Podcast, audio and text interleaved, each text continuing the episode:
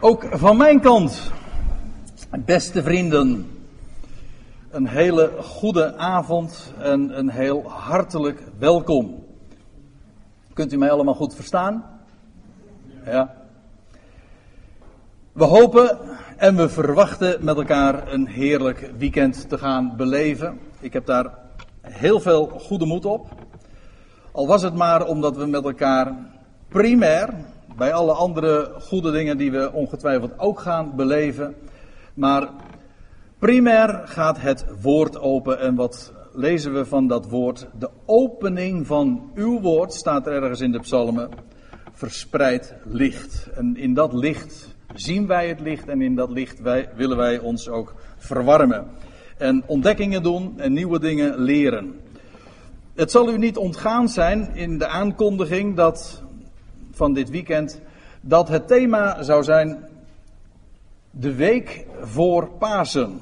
Ik heb dat enigszins aangepast, zoals u op, de, op het projectiescherm ook kunt zien.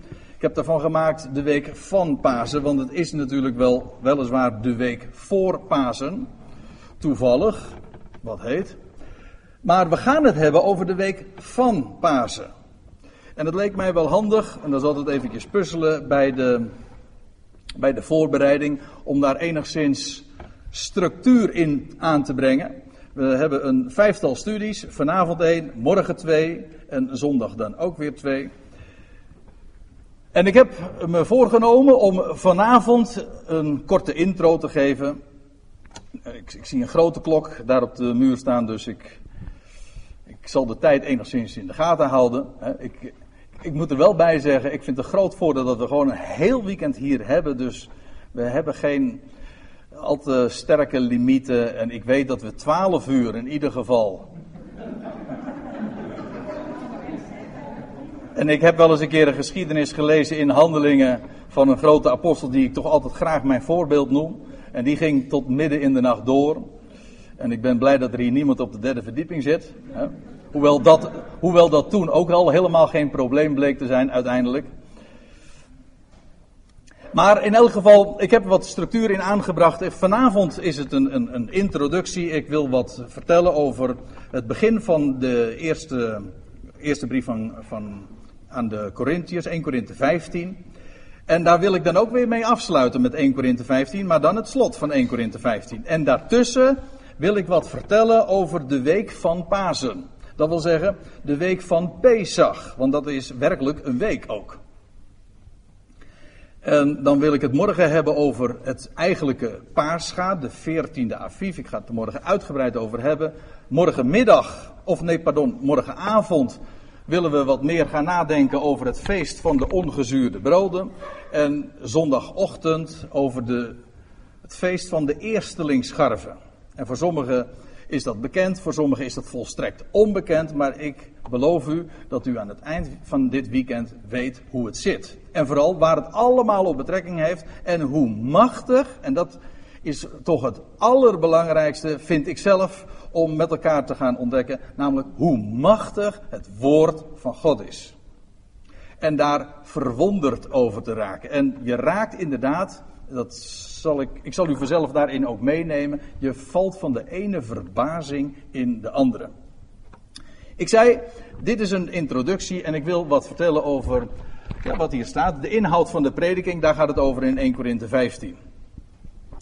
En ik ga gewoon vers voor vers uh, de, de lijn volgen die Paulus ooit al 19,5 eeuw geleden heeft uitgezet door de brief te schrijven en ik heb eh, wat dat betreft helemaal geen papiertje nodig om, om vanaf te lezen. Dit is mijn papiertje. We volgen gewoon de tekst. Paulus schrijft daar, ik maak u bekend broeders, en hij heeft een hele lange aanloop gehad, want er zijn natuurlijk veertien hoofdstukken aan vooraf gegaan, voordat hij dit schreef. En hij had bij de Corinthiërs een lange aanloop nodig, maar dit hoofdstuk is de eigenlijke clue van de hele brief. Het allerbelangrijkste, zonder enige twijfel. Waarmee ik niet zeg dat het voorafgaande onbelangrijk is, maar dit is de climax. Dit is waar het werkelijk om gaat. En dan schrijft Paulus: Ik maak u bekend, broeders, het evangelie dat ik u verkondigd heb. Eigenlijk staat het er in, in, een, in een, tijdloze vorm. Dat heet in een, met een duur woord de aoris, dat wil zeggen zonder horizon. Als een tijdloos feit wordt dit gezegd. Het is maar niet zo van ik, het evangelie dat ik u ooit verkondigd heb in het verleden, als voltooide zaak. Nee, het, het evangelie dat ik u verkondig, wanneer dan ook. In het verleden, in het heden, in de toekomst, dat evangelie verandert namelijk niet. En daarom is, daar, is het ook een tijdloze vorm. En dan heb ik er altijd toch wel aardigheid in om er even een dikke streep onder te zetten. Dat er staat, ja dit is het Grieks. Maar als je een beetje, als je een beetje moeite doet om het te lezen, dan herken je zelfs nog wel ons woord evangelie erin. Al zijn het Griekse letters. En dat betekent letterlijk een, inderdaad een blijde boodschap, een well message. Oftewel een goed bericht. Ik hou van dat woord. Een goed bericht. Als er één ding is waar we vandaag, trouwens het is nooit anders geweest hoor, maar zeker ook vandaag behoefte aan hebben, is het werkelijk een goed bericht. Niet alleen maar als een, als een, als een, als een aanprijzing, maar wat het ook naar waarheid is. Een goed bericht. En Paulus zegt, ik maak u bekend broeders het evangelie, dat goede bericht, je moet zulke woorden tegenwoordig eigenlijk decoderen. Zo noem ik dat maar even voor het gemak. Dat wil zeggen, uh, je kan het natuurlijk het woord evangelie gebruiken. Heb ik helemaal geen, geen enkel bezwaar tegen. Dat is gewoon het Griekse woord. Maar bepaalde klanken die, die kunnen zo om.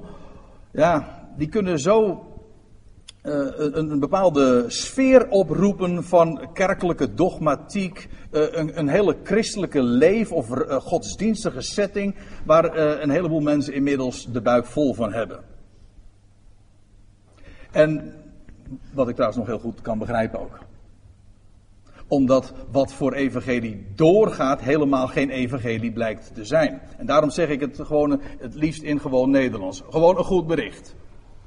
Het evangelie dat ik u verkondig, schrijft hij, dat gij ook ontvangen hebt, waarin gij ook staat.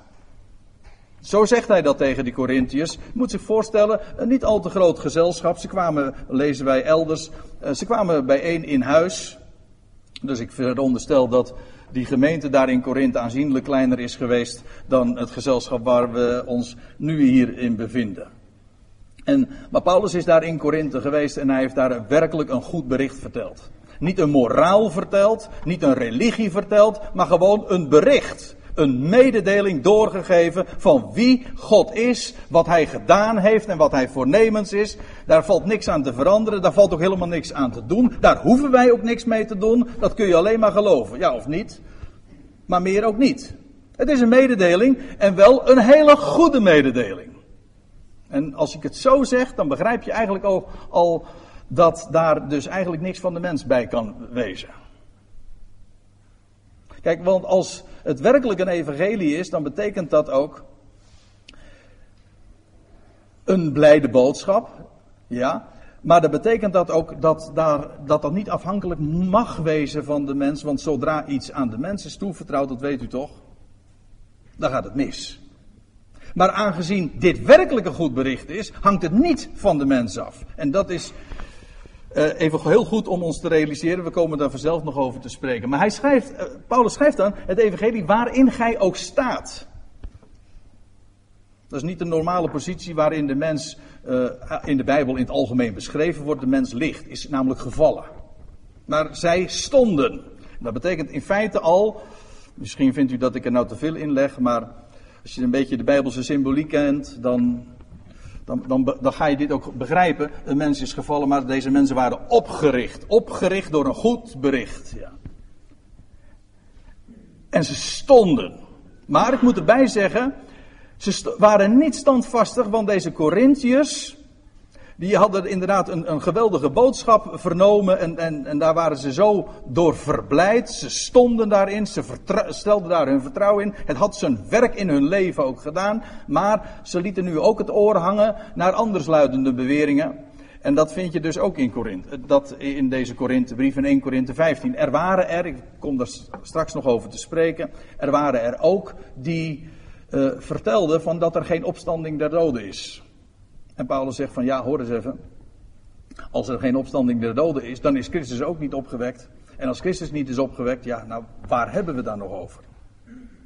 Zij stonden in het evangelie, maar ze waren niet standvastig daarin. Dat wil zeggen, ze waren enigszins wankelmoedig. Vandaar ook dat Terwijl je in hoofdstuk, 1 vers, of hoofdstuk 15 vers 1 leest, waarin gij ook staat. Maar als je het laatste vers van ditzelfde hoofdstuk leest, dan staat er. En dan zijn we inmiddels 57 versen verder. 1 Korinthe 15 vers 58. Daar staat. Daarom mijn geliefde broeders. Wees standvastig. Onwankelbaar. Maar ja, ik hecht er dan toch even aan om te vertellen dat dit woord wees er niet staat in de, in, letterlijk. Zo heeft Paulus dat niet opgetekend. Het klopt ook namelijk niet. Hij zegt niet wees standvastig, hij zegt word standvastig. Kijk, zij stonden wel, maar staan en staan is twee. Je kan staan, maar wel wankelmoedig zijn. Dat wil zeggen, gemakkelijk heen en weer toch bewogen worden. En dat was de situatie daar in Korinthe. Ze waren niet standvastig daarin. Terwijl het nu juist daarom gaat. En daarom schrijft hij ook, in dat hele belangrijke hoofdstuk, hij zegt, word standvastig, onwankelbaar in die boodschap. Je vindt dat vaker trouwens, dat Paulus daarop op wijst. Dat, dat hij er helemaal niet op wijst dat die mensen actief moesten gaan worden, dat ze wat moesten gaan doen voor dat evangelie. Iets wat je zo vaak hoort ook. Als, je, als ik dat wel eens zo hoor, links en rechts in de, in de christelijke wereld en, en wat er in kerken vaak verteld wordt, zonder daarbij te sneren, maar dan, dan denk ik wel eens een keertje, begrijpt men het eigenlijk wel? Dan, zeggen we, dan zegt men van ja, met het evangelie, het gaat erom wat je ermee doet. En daar ben ik het helemaal niet mee eens. Het gaat er helemaal niet om wat wij met het evangelie doen. Weet u waar het om gaat? Wat het evangelie met ons doet. Dat is heel veel belangrijker. En dat, maar dan is het wel van belang dat het ook werkelijk evangelie is. En dat evangelie zoals Paulus dat verteld heeft. Want dat is werkelijk evangelie. En daarin te staan. En geloof me, of geloof wat God zelf in zijn woord zegt, als je daarin staat, dan kan Hij zijn werk overvloedig in jou gaan doen. En in ons. Daar hoeven wij niks voor te doen. Dat is gewoon een kwestie van je vertrouwen stellen in die boodschap. En daar spreekt Paulus hierover, maar elders ook. Laten we eens een keer naar Colossense 1 gaan. Colossense 1. Dat is een schitterend hoofdstuk natuurlijk ook. Maar daar schrijft hij daar ook over, over dat standvastig en onwankelbaar. Hij schrijft dan in Colossense 1, vers 22. Het is een beetje midden in de zin dat ik daarin bij inhaak. Dan schrijft hij: Om u heilig en onbesmet en onberispelijk voor zich te stellen. Hoe dan wel? Hoe doet hij dat? Hoe heiligt hij ons? Hoe maakt hij ons onbesmet? Hoe maakt hij ons onberispelijk? Is dat ons werk? Nee, dat is zijn werk. Maar dan ook 100%. En hoe gaat dat dan in zijn werk? Wel, het staat erachter. Indien gij slechts wel gegrond en standvastig blijft in het geloof. En u niet laat afbrengen van de hoop van het evangelie. Hier, hier exact dezelfde gedachte als wat ik zojuist voorlas uit 1 Korinthe 15. Staan welgegrond, standvastig in het geloof. Geloof wil gewoon zeggen vertrouwen. Je vertrouwen stellen op wat Hij gesproken heeft en wat Hij beloofd heeft. Niet doen, maar geloof. Geloof staat in de Bijbel altijd tegenover werken. Daag me niet uit, want ik kan het u op talloze plaatsen laten zien. Maar dat doe ik nu niet. Maar ik ga er even gemakshalve vanuit dat u dat weet. Geloof staat in de Bijbel tegenover werken. Dus als hier staat van dat gij uh, standvastig blijft in het geloof, dan moet je daarbij lezen en niet in werken. Dat wil zeggen, geloof in wat hij doet en wat hij beloofd heeft. En u niet laat afbrengen van de hoop van het evangelie. Wat is die hoop van het evangelie? Laten we dat woord weer even decoderen nog. Hè. Weergeven in gewoon Nederlands. De hoop van het evangelie is niks anders dan de verwachting. Want eigenlijk is dat woord nog veel mooier dan hoop hoor. Hopen kun je zoveel. Hè.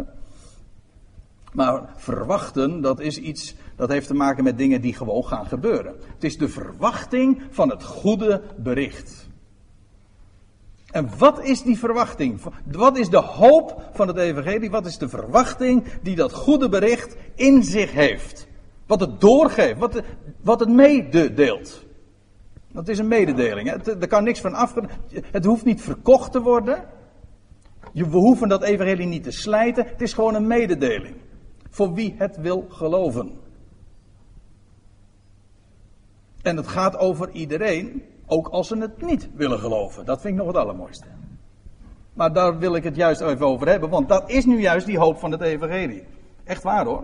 De hoop van het evangelie is dat het dat God belooft niet alleen maar aan een, aan een bepaald geselecteerd groepje mensen, of dat nou Israël is, of het is de gemeente die nu uitgeroepen wordt. Nee, het is de hele wereld. En dat is precies ook wat hier in Colossense 1 staat. Want als hij het heeft over, de hoop van het evangelie, dus de verwachting die dat met zich meebrengt, dan had hij dat net in de voorgaande versen al of um, uitgelegd.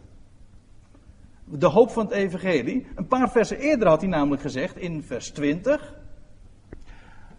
Dan gaat het over God die door Christus, hem is hier de Heer Jezus Christus, door hem vrede gemaakt hebbende, ik gebruik hier weer dat woord aorist, zonder horizon, het, is niet, uh, want dat vind ik toch even belangrijk om daarop te wijzen, er staat door hem niet vrede gemaakt hebbende, ja dat is onze vertaling dan, maar het staat gewoon door hem vrede, die vrede maakt door het bloed zijns kruises. Ook hier, dit is een mededeling, los van tijd. God maakt door Christus vrede, dat wil zeggen door het bloed van het kruis. Het bloed van het kruis, dat wil zeggen het kruis van Golgotha, is het middel waardoor God vrede maakt. Dat is nog niet, dat is nog geen, dat is geen verleden tijd, dat is niet voltooid. God maakt vrede. Hoewel door vijanden tot zijn vrienden te maken, tot zijn liefhebbers te maken. Er is de wereld is vijandig of vervreemd van God en God gaat die hele schepping weer tot zich terugbrengen. Let, let maar op wat er staat. En alle dingen weder met zich te verzoenen. Ja, alle dingen. Tapanta, het al of de allen. Allen die vijandig zijn of op een of andere wijze vervreemd van hun schepper, die gaat hij allemaal weder met zich verzoenen. Wat, weet u wat dat betekent? Dat betekent niet dat God zich verzoent met die wereld. God is nooit een vijand geweest van deze wereld. Nee, hij verzoent de schepping, zijn schepselen, de vervreemde en vijandige schepselen, verzoent hij met zich. Dat is wat hij doet. Hij verzoent het al, dat wil zeggen alles wat vervreemd en vijandig is, gaat hij met zich verzoenen. Het zij wat op de aarde, het zij wat in de hemel is. Waarmee maar gezegd wil zijn dat het dus echt alles is. Alles wat maar verzoend kan worden, en wat dus op een of andere wijze van God vervreemd is, of hem zelfs vijandig gezind is, die gaat hij met zich verzoenen. Dit is de hoop van het Evangelie. De hoop van het Evangelie, dat, dat spreekt inderdaad van de Heer Jezus Christus. Hij die leed en stierf van het kruis van Golgotha voor wie? Nou, voor de hele schepping om de hele wereld tot zich te brengen. En God heeft bewezen dat hij van deze wereld houdt. En wat is het bewijs van zijn ultieme liefde? Dat is het kruis van Golgotha. Het kruis van Golgotha zegt: Al slaan ze mijn zoon aan het kruis, aan een, aan een hout, dan nog hou ik van ze. Sterker nog, juist door die daad, door de, door de daad van ultieme vijandschap, gaat God juist die wereld leven geven. Zodat hij dus de vijandschap van de wereld negeert. Vergelijk het met, uh, met Jozef. U kent die geschiedenis natuurlijk, het boek Genesis. En van Jozef lees je dat hij was verkocht door zijn broers. Maar wat deed hij? Ja, dat is een hele lange weg geweest. Maar uiteindelijk, wat gebeurt er? Die Jozef, die houdt zijn broers. Juist doordat. Zijn broers hebben hem verkocht. En naar Egypte gebracht. En, en, en hij is daar slaaf geworden, et cetera. Ze hadden hem eigenlijk. Het kwam erop neer dat ze hem omgebracht hadden. Waren ze ook van plan trouwens. Maar uiteindelijk wat bleek? Dat ze door die daad. Juist in leven konden blijven. Want door die weg kwam Jozef uiteindelijk via, via, via op de troon terecht en kon hen brood verschaffen. En hield hij hen in het leven. Kijk, dat is nou wat uh, Paulus, uh, en trouwens ook in het boek Spreuken, vurige kolen op iemands hoofd werpen is. Dat is het. Iemand de vijandschap gewoon onmogelijk maken. Als je je vijand die honger heeft, eten geeft, dan is het onmogelijk om nog langer vijand te blijven. Of iemand, als je vijand dorst heeft en je geeft hem water, dan, dan, dan gooi je vurige kolen op zijn, zijn hoofd, hè, zo noemt de Bijbel dat. Dat wil zeggen, je, je, je laat iemand smelten. De vijandschap smelt. Dat kan niet langer stand houden. Nou, dat is wat God doet. En God verzoent de wereld. Hoe? Door, door het bewijs van zijn liefde te geven. Als, namelijk, zelfs als slaan ze zijn zoon aan het kruis, dan nog zegt hij: Ik hou van je. Sterker nog, ik ga je jullie juist via die weg in het leven behouden. Want ze sloegen hem aan het kruis, maar drie dagen later stond hij op. En dat is de garantie dat de hele wereld uiteindelijk het leven zal ontvangen. Kijk, zo denkt God.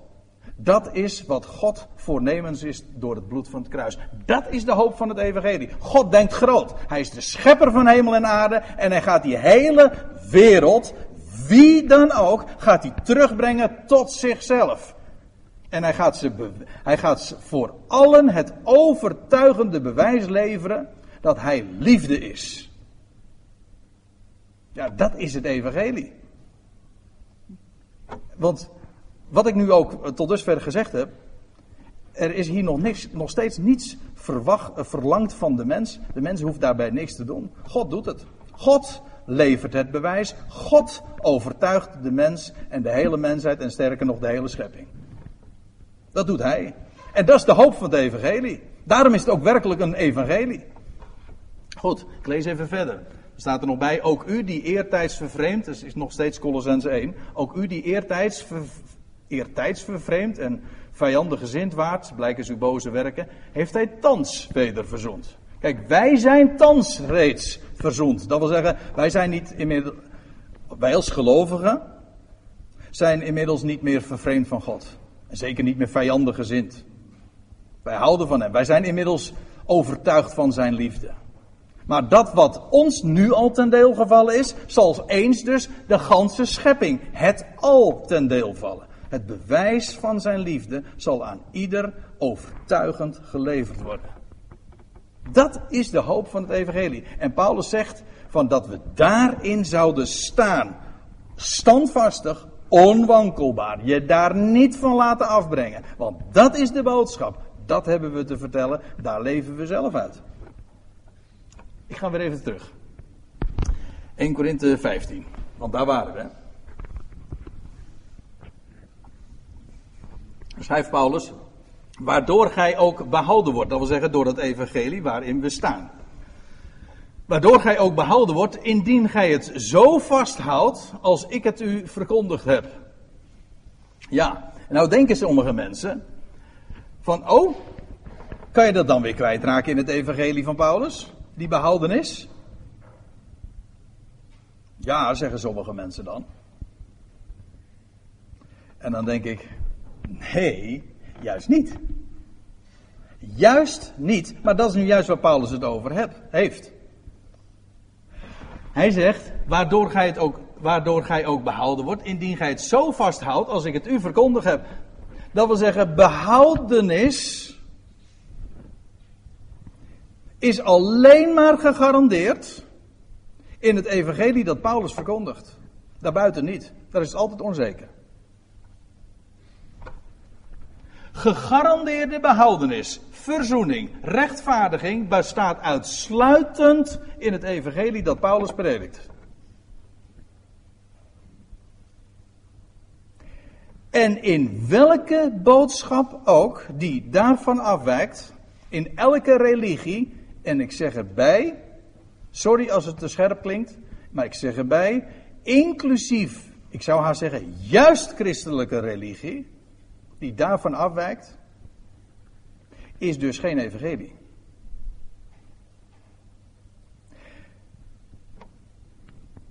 Behoudenis is gegarandeerd juist in die boodschap die, die de apostel Paulus in de heidenwereld heeft mogen, mogen brengen. En daarin, daarin wordt gesproken, dat evangelie is juist de boodschap dat hij Heer is. En hij redder is. Niet wil worden, nee, hij is de Heer. We zijn gewoon zijn eigendom. Iedereen. Iedereen is zijn eigendom. De prijs is betaald. Voor iedereen. Elk mens, de hele schepping is zijn eigendom. En hij is Heer en Redder van allen. En dat, we, en dat is de Evangelie. Dat is gegarandeerd. En dan laat je dit los. Als je dat niet zo vasthoudt, ja, dan, dan kun je je behoudenis ook wel op je buik schrijven. Begrijpt u? Als je die boodschap loslaat. Als je die boodschap loslaat, dan heb je geen gegarandeerde behoudenis meer. Of wel dan? En dat is precies waar zoveel uh, mee tobben. Niet, en als het niet dan de behoudenis is van zichzelf, dan is het wel de behoudenis van anderen. Van anderen. Dat weten ze niet. Dat is nu juist waar, ze, waar, waar men zich druk over maakt. En daarom, ja, dat is zo, zo merkwaardig. Hè? En daarom is men dan ook zo druk in de weer vaak om te evangeliseren. Waarom? Omdat men zo onzeker is over de behoudenis van anderen. En zeggen van ja, als, als wij het ze niet vertellen, dan, gaan ze, dan, worden ze, dan is de Heer niet hun behouder. En dan, en dan, ja, dan zeggen ze, dus moeten we evangeliseren. Nou, ik moet u zeggen, als dat het motief is, dan heb je er nog echt helemaal niks van begrepen. Het evangelie is nu juist de boodschap dat hij de behouder is. Van welk mens dan ook. Ja, inclusief van, van gelovigen. En hoe weet je nou zeker dat hij je behouder is? Hoe weet je nou zeker dat hij je behouder is? En niet alleen je behouder, maar ook degene die ons verzond en ook ons, ons rechtvaardigt en uh, alles wat je meer nodig hebt. Hoe weet je dat nou zeker? Nou, hij doet voor allen, dus ook voor mij. Of zoals ik iemand laatst hoorde zeggen, die vond ik ook wel leuk. Hoe we, de, Heer is de, de Heer is de behouder van de kerk, schrijft hij. Waarom? Wel, hij is de behouder ook van de hele wereld. Dus de kerk mag er ook bij horen. En ik hou er wel van om het op die manier te zeggen. Want dan is alle, alle eigen roem in ieder geval flink de bodem ingeslagen. Daar is geen enkele reden voor. Gegarandeerde behoudenis, verzoening, rechtvaardiging. En wat niet al, is uitsluitend in dat evangelie gepredikt. Laat, dat even, laat die prediking los. En de behoudenis is, staat ook op losse schroeven. Is niet meer gegarandeerd, moet je je ernstige zorgen over gaan maken. Dan heb je ook geen evangelie meer. En ik zal u vertellen, dan ga je zuur kijken. En als ik het zo zeg, dan maak ik eigenlijk meteen al even een, geef ik een aanzet voor waar we het morgen over gaan hebben. Ga je zuur kijken. Maar wij, wij kijken natuurlijk niet zuur, want wij, wij vieren juist het feest van het ongezuurde. Goed, ja, daar ga ik morgen wat meer over vertellen. Paulus schrijft, ja, tenzij gij te vergeefs tot geloof zoudt gekomen zijn. Dat zou toch wel helemaal wat wezen als we nou deze boodschap zouden loslaten. Ik bedoel, daar werd verteld in Korinthe. En, en waarachtig, ze gaven daar nog uh, gehoor aan. Ook een aantal daar in die gemeente van dat er geen opstanding der doden zou zijn. Ja, dan, dan morrel je inderdaad aan de behoudenis. Dat is, en Paulus zegt, dan zou gij, tenzij gij te vergeefs tot geloof zoudt gekomen zijn. Als je dat loslaat. Daarom is het zo belangrijk daarin te staan. Standvastig, onwankelbaar. Want voor alle dingen, schrijft Paulus dan, heb ik u overgegeven hetgeen ik zelf ontvangen heb. Christus, hij geeft hier in, in, in een paar zinnen een samenvatting van het evangelie. Van dat goede bericht dus. Christus is gestorven voor onze zonde, naar de schriften. Gestorven voor onze zonde. Staat trouwens niet. Eh, om de straf op de zonden te dragen. Ik weet wel, dat is een hele orthodoxe formulering, maar zoek hem maar eens op in de Bijbel. U zult hem niet vinden. Staat nergens. Dus misschien even slikken voor sommigen. Dat staat erg nergens, echt nergens. Weet u waarom hij stierf? Er is een heel simpel antwoord. En ik doe al heel lang uh, uh, moeite om dat ook gewoon duidelijk te maken en te vertellen. Het is zo'n simpel antwoord. Je zou het haast zelf kunnen bedenken. Waarom moest Christus sterven? Het antwoord is om op te kunnen staan uit de doden. Want alleen door te sterven kon hij opstaan en zo inderdaad de overwinnaar over de dood worden. Daarom moest hij sterven. En doordat hij de overwinnaar over de dood is, is hij ook de overwinnaar over de zonde. Want die twee zijn broertje en zusje. Zonde en dood, die hebben alles met elkaar te maken. Daar waar de dood zijn intrede deed in de wereld, kwam ook de zonde. En hij bevrijdt van de zonde. Trouwens, niet alleen maar in, in, in, verband met de toekomst, maar ook nu. Hij bevrijdt van zonde vandaag. Het is zelfs zo dat degene die tot geloof komt, daarvan wordt gezegd: houd het ervoor dat gij dood zijt voor de zonde. En hoe vaak hoor je niet? Hoe vaak hoor je niet dat we moeten strijden tegen de zonde? Om maar heiliger te worden. En al dat soort getop. En dan zegt Paulus zo laconiek: reken er gewoon niet meer mee. Wij hoeven niet te strijden tegen de zonde. Wij zijn in Christus volmaakt. Dat zou je niet zeggen, maar we zijn het echt. Zo ziet God ons. Volmaakt, rechtvaardig. Kijk ook zo als God naar jou kijkt, naar jezelf en naar elkaar. Dan zie ik dus allemaal volmaakte mensen. Niet op grond van verleden, want we hebben helemaal geen eens verleden, we hebben alleen maar een toekomst. God ziet ons nu al aan zoals we straks zullen zijn. Zoals een architect bijvoorbeeld al een, al een, een, hele, een gebouw ziet staan terwijl, terwijl er nog een, oude, een oud krot staat. Maar God is die ontwerper, God is de architect, God is de bouwmeester. God ziet ons nu al aan zoals we straks zullen zijn in zijn zoon. Dat is de realiteit. Enfin, zo kijken wij uh, naar elkaar, zo, zo, zien wij onszelf en dus is er inderdaad geen vuiltje aan de lucht. Zoals ik vanmorgen tegen iemand zei in de winkel, ach, ze was een beetje aan het tobben over de crisis uh, die er momenteel is. U zegt welke crisis? Uh, ze was een beetje aan het tobben, dat een mevrouw bij de blokker en die zegt ja, nou ja goed, allemaal zo moeilijk enzovoort. En toen zei ik zo van, joh, de zon die schijnt, de hemel is blauw. Ik wilde er nog iets achteraan zeggen, maar ik heb het niet gedaan. De zon die schijnt, de hemel is blauw en God houdt van jou. Maar zo is het wel. Er is geen vuil. Ze zegt, nou kon, iedereen er maar zo tegenaan kijken. Toen dacht ik nog, breek me de bek niet open. Maar waar, waarom niet? Nee, wat let je? Wat let je als je nou werkelijk een evangelie, als je nou werkelijk een goed bericht kent en je weet van, van God, die van deze wereld houdt. En die alles tot een goed einde gaat brengen. Die alles gewoon, die alles gewoon vast in zijn handen heeft. En ze zegt van ja, maar goed, je bent toch maar een zondaar. Ik zeg hoezo? Wij waren zondaren, zegt Paulus. Toen wij nog zondaren waren, dat zijn we niet meer. We zijn volmaakt, alsjeblieft. Dus, hoe, wat is het probleem? Ja, dat is maar makkelijk. Ja, dat hoor je altijd. Hè? Dat is maar makkelijk. Ja, daarom. Daarom, vertel ik, daarom, vind ik, daarom vind ik het zo mooi om te vertellen. Ik, ik, ja, als je een beetje simpel bent, ben ik hè. Als je een beetje simpel bent, is het altijd lastig om complexe dingen te vertellen. Maar dit is makkelijk. Het is zo simpel. Ik hoef er ook niks voor te doen, heb ik ook. Ik ben erg lui. Daarom deze boodschap, die staat mij, staat mij enorm aan. Dat, ik bedoel, ik vind het zo heerlijk dat er in Romeinen 4 dan staat van, dat uh, niet degene die werkt, maar zijn geloof vestigt op hem die goddeloze rechtvaardigt. Dan denk ik, nou, er is er ook hoop voor mij dus. Hij rechtvaardigt de goddeloze. En weer hoor ik sommige mensen nu denken, ja, dat is maar makkelijk. Ik zeg, nou, als het dan zo makkelijk is, wat let ons dat gewoon aan te nemen? Daar gewoon in te staan. Dan moet je kijken wat die boodschap met je doet. Kijk, daar geloof ik in. Wat zo'n boodschap met je doet. Nou, heel veel. En meer in elk geval dat je, dan ik nu op dit moment besef.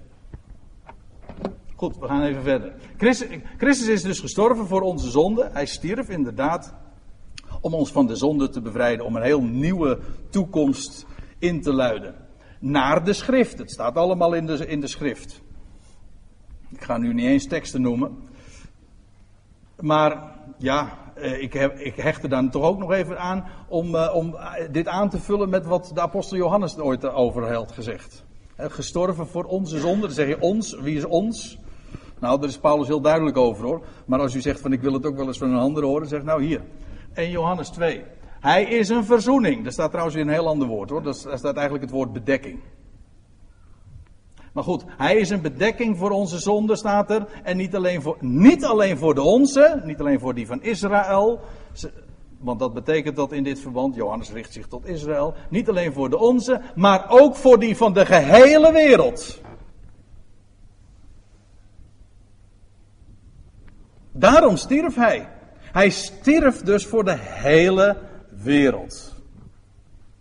En als hij inderdaad zijn doel bereikt, als hij geen doelmisser is en dus geen zondaar is, als hij bereikt waar hij toe, waartoe hij kwam, wel dan zal dit dus ook gerealiseerd worden. En aangezien ik geloof in een God die God is, die gewoon dus alles in handen heeft, die zich ook door niks laat uh, weerhouden, komt dit allemaal goed. Ja. En hij is begraven, staat er, ja. Maar waarom? En ten derde dagen opgewekt. En in wezen is nu in, in twee, drie zinnetjes door de apostel Paulus verteld wat het evangelie, het goede bericht is. In essentie. Hij stierf voor deze hele wereld. Hij werd begraven. En hij stond op op de derde dag. En daarmee was hij de eersteling. Dat gaat Paulus in dit hoofdstuk dan ook vervolgens nog uitleggen. Hij was de eersteling van een hele nieuwe schepping. En dan gaat hij, en dat, dat legt hij geweldig uit. Want het is namelijk een garantie. Het is een garantie voor wie dan ook. En ten derde dagen opgewekt staat er naar de schriften. Dat wil zeggen, het staat allemaal al in de Tenach, in het Oude Testament, staat allemaal keurig opgetekend. Op een geweldige manier. Het begint al in Genesis 1.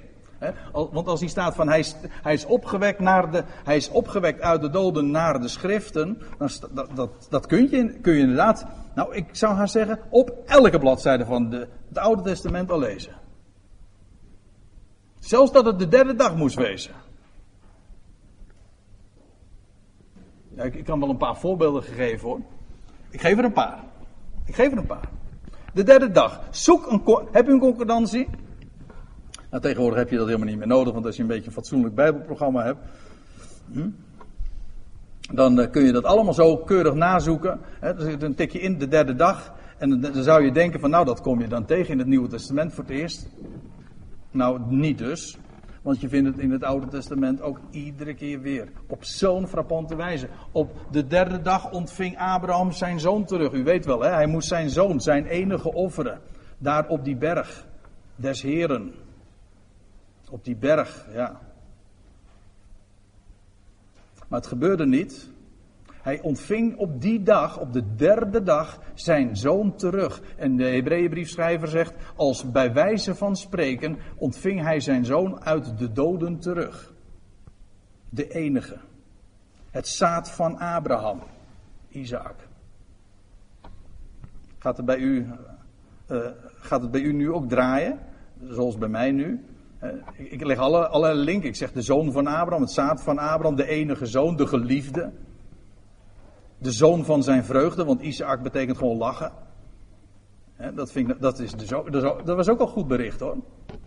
Dat, Isaac ooit geboren werd. Dat er een, man, een, jongen geboren werd uit een man en een vrouw die verstorven waren. Dat is ook al leven uit de dood. Die was, was al helemaal niet verwacht. En daarom, eh, dat, dat ventje werd Isaac genoemd. Dat betekent gewoon lachen. Ja. Kijk, als, dat is wat sommige mensen die denken bij, bij de Bijbel aan, aan, aan serieuze dingen, maar ik denk dat niet. Ja, wij, zouden wat meer ernst moeten maken, ik zeg het iemand na, we zouden wat meer ernst moeten maken met de humor. met de vreugde. En, en, zo'n Isaac, ja, dat is een, een, geweldig embleem van leven uit de dood. Alleen al het feit dat hij er was en dat hij dan later op de derde dag nog weer, als het ware, uit de dood opstaat en terugkeert. Nou, uh, dat is één voorbeeld. Uh, op de derde dag ging Israël onder leiding van Jozua door de Jordaan. Ja, ja, lees het maar na in Jozua 2. Was op de derde dag. Door de Jordaan kwamen ze in het beloofde land. Onder leiding van Jozua. Dus als je het in het Grieks zegt, dan zou ik zeggen onder leiding van Jezus. Dat is namelijk exact dezelfde naam. Zo kwam Israël in het beloofde land. Door de Jordaan. Zo, ik doe zomaar een greep hoor. Dat is echt willekeurig wat ik u nu even laat zien. over die derde dag. Als Paulus zegt van het was, dat Christus is opgewekt op de derde dag na de schriften. Dan, eh, dan liggen de bewijzen zo voor het oprapen. Ik zal u nog een voorbeeld geven. Dat is weer een ander. Dat was uh, Hiskia. U weet wel, dat was een zoon van David. En toen pauzeerde hij even. Ja, heb u hem? Dat was een zoon van David, ook een koning van Israël. Die werd genezen van een dodelijke ziekte. En hij ging op naar het, naar het huis van God. U vindt die geschiedenis twee keer in de Bijbel vermeld. Op de derde dag, hij was genezen van een dodelijke ziekte. Ontving, hij ontving feitelijk leven uit de dood. Op de derde dag ging hij op naar het huis van God. Ik moet dan meteen denken aan die andere zoon van David, die voorbestemd is om de koning van Israël te zijn, maar die ook op de derde dag als uit de doden opstond en inderdaad opging naar het huis van God. Naar de plaats waar God woont, naar de hemel. Goed. Uh, op de derde dag werd Esther, uh, werd de gouden scepter aangereikt. Kent u die geschiedenis? Ja, we gaan zo links en rechts zo, uh, kriskras door de Bijbel. Maar lees het maar na in het boek Esther. Dat Esther bij de koning Ahasveros moest komen. En dan wordt haar genade bewezen. Want voor hetzelfde geld had ze namelijk ter dood gebracht. Geworden. Hoe zeg je dat? Geworden.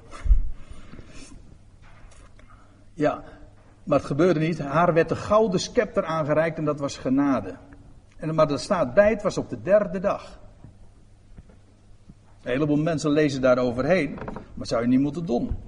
Het heeft allemaal betekenis. Het is allemaal geregisseerd. Het is allemaal één auteur. Door hoeveel mensen de Bijbel ook is opgetekend, is gewoon één auteur. Het is één concept. En juist die eenheid bewijst het, de goddelijke oorsprong van de schrift. Als je eenmaal die schrift leert kennen, heb je ook geen bewijs meer voor de Bijbel nodig, want die Bijbel zelf is, is het bewijs. Ja, en Esther werd die gouden scepter aangereikt. Een scepter is trouwens sowieso al een beeld van genade, van, uh, van opstanding. Want een scepter is gewoon een staf, hè. En een, staf, een staf, wat doe, wat doe je met een staf? Een staf, daar sta je mee of dat, daar ga je mee opstaan. Daar kun je ook op leunen. En een staf die komt tot bloei in de Bijbel. Oh, er gebeurt zoveel met een staf in de Bijbel. En die staf, al ga je door een dal van schaduwen des doods, dan is het juist die staf die, uw stok en uw staf die mij vertroosten. Ja, wat vertroost je nou als, als de dood zijn schaduwen vooruitwerpt? Nou, dan is het zijn staf, zijn stok die ons vertroost. Opstanding. Nou, als die staf dan ook nog eens een keertje van goud blijkt te zijn en van een koning, dan kan het helemaal niet meer mis zijn, want dan weet je, dat heeft te maken met onvergankelijk leven. De scepter, een staf, spreekt van opstanding. En als die van goud is, u weet, goud hè, is, een, is een edelmetaal, die, dat vergaat niet. Is niet, is niet uh, ontvankelijk voor zuurstof. Ik zeg het expres even zo. Laat zich niet verbinden met zuurstof. Dat wil zeggen, het roest niet. Onvergankelijk. Goed, uh, nog een voorbeeld. Daar, daar, houden we het maar even bij, want ik zie dat het mijn verhaal alweer veel te lang gaat worden. Maar uh, op de derde dag, dus misschien wel de bekendste, Jona kwam uit de doodswateren. U weet toch, dat was op de derde dag. Jona die zich inderdaad in de, in het buik van de, zee, uh, van, de, van de vis bevond. En op de derde dag kwam hij uit, hij bad ook in het dodenrijk, staat er. Hij bevond zich onder het aardoppervlak feitelijk, onder de zeespiegel zal ik het zo zeggen. En toen kwam hij uit de doodswateren, werd hij gespuwd op de derde dag. Nou, het moet toch niet verbazen dat juist Jezus later ook zou zeggen van gelijk Jona drie dagen en drie nachten. Ja, ja, ook drie nachten hoor. Maar daar komen we ook nog even over te spreken. Drie dagen en drie nachten in het buik van de visjes heeft gezeten, of nee, in het buik, in het binnenste van de aarde. Zo zal ook de zoon des mensen drie dagen en drie nachten in het hart der aarde zijn. Jona.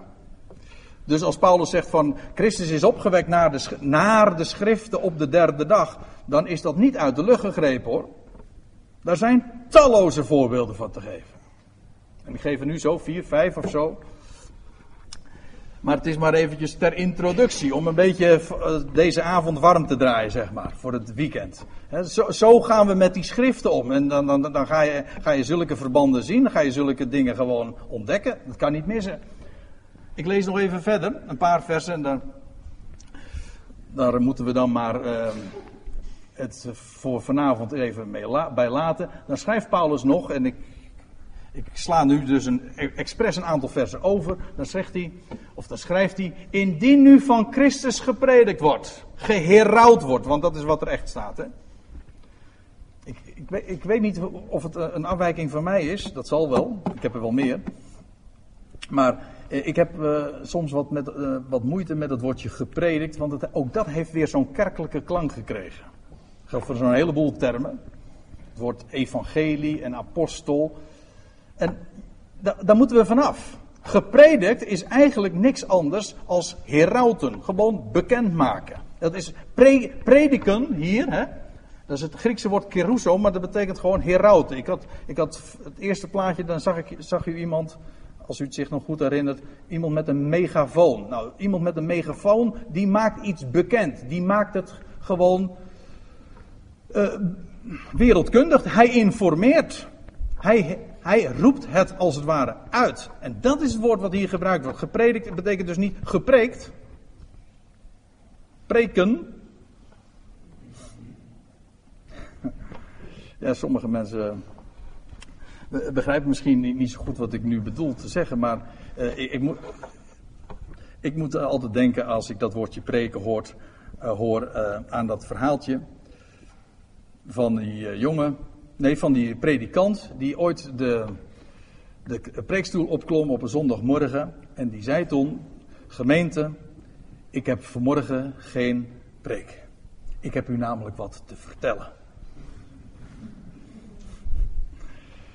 Ja, en dan denk ik, juist dat is dit woord, keruso. Ik heb u wat, ik heb u wat te vertellen. Niet pre, het is geen pep talk, ook niet pastorale pep talk om, om, om weer wat op te beuren of je weer wat praktische tools te geven waarmee je weer wat verder kan modderen in het leven. Nee, het is gewoon een mededeling. Het is gewoon een blijde boodschap. En geloof het en het zal zijn werk aan jou doen. Dat is evangelie. En daar is wat Paulus het over heeft. Christus, indien u van Christus geherouwd wordt dat hij uit de doden is opgewekt, hoe komen sommigen er onder u? Hoe komen sommigen onder u ertoe te zeggen dat er geen opstanding der doden is? U, u, uh, u merkt wel, uh, vreemde opvattingen, dat is niet iets van deze tijd. Dat was toen ook al. En je vraagt je af uh, hoe men daar ooit toe kon komen. En Paulus stond al op hetzelfde standpunt, want hij zegt: Indien er geen opstanding der doden is, ja, hoor eens, dan is ook Christus niet opgewekt. Toch? Als er geen opstanding der doden bestaat, dan is Christus als dode dus ook niet opgewekt. Nou, zegt hij. Hij gaat gewoon verder. Dat is logica. Er is niks mis hoor met logica. Dat zie je in, deze, in dit hoofdstuk ook. Dat is, zit zo stevig, logisch, ordelijk, rationeel in elkaar. Het gaat bij ons verstand te boven, maar het is zo redelijk. Indien er geen opstanding der doden is, schrijft hij, dan is ook Christus niet opgewekt. En indien Christus niet is opgewekt, ja, dan, dan is immers onze prediking zonder inhoud. En zonder inhoud is ook uw geloof. En met dit laatste wil ik eigenlijk dit weekend inluiden. Want kijk, wat Paulus hier schrijft, dit is negatief geformuleerd, dat geef ik toe. Maar wat Paulus hier schrijft is nu precies de clue. Hij zegt, indien Christus niet is opgewekt, dan is immers onze herautboodschap of onze prediking zonder inhoud, ijdel dus, leeg. En zonder inhoud, leeg, ijdel, is ook uw geloof. Nou, dit is de negatieve formulering, maar als je het nou positief verzegt. Wat is dus de inhoud van de prediking en wat is de inhoud van het geloof? Dat is dat Christus is opgewekt, oftewel de opgewekte Christus. Dat is de inhoud van de prediking. En zonder die inhoud is het dus volstrekt leeg.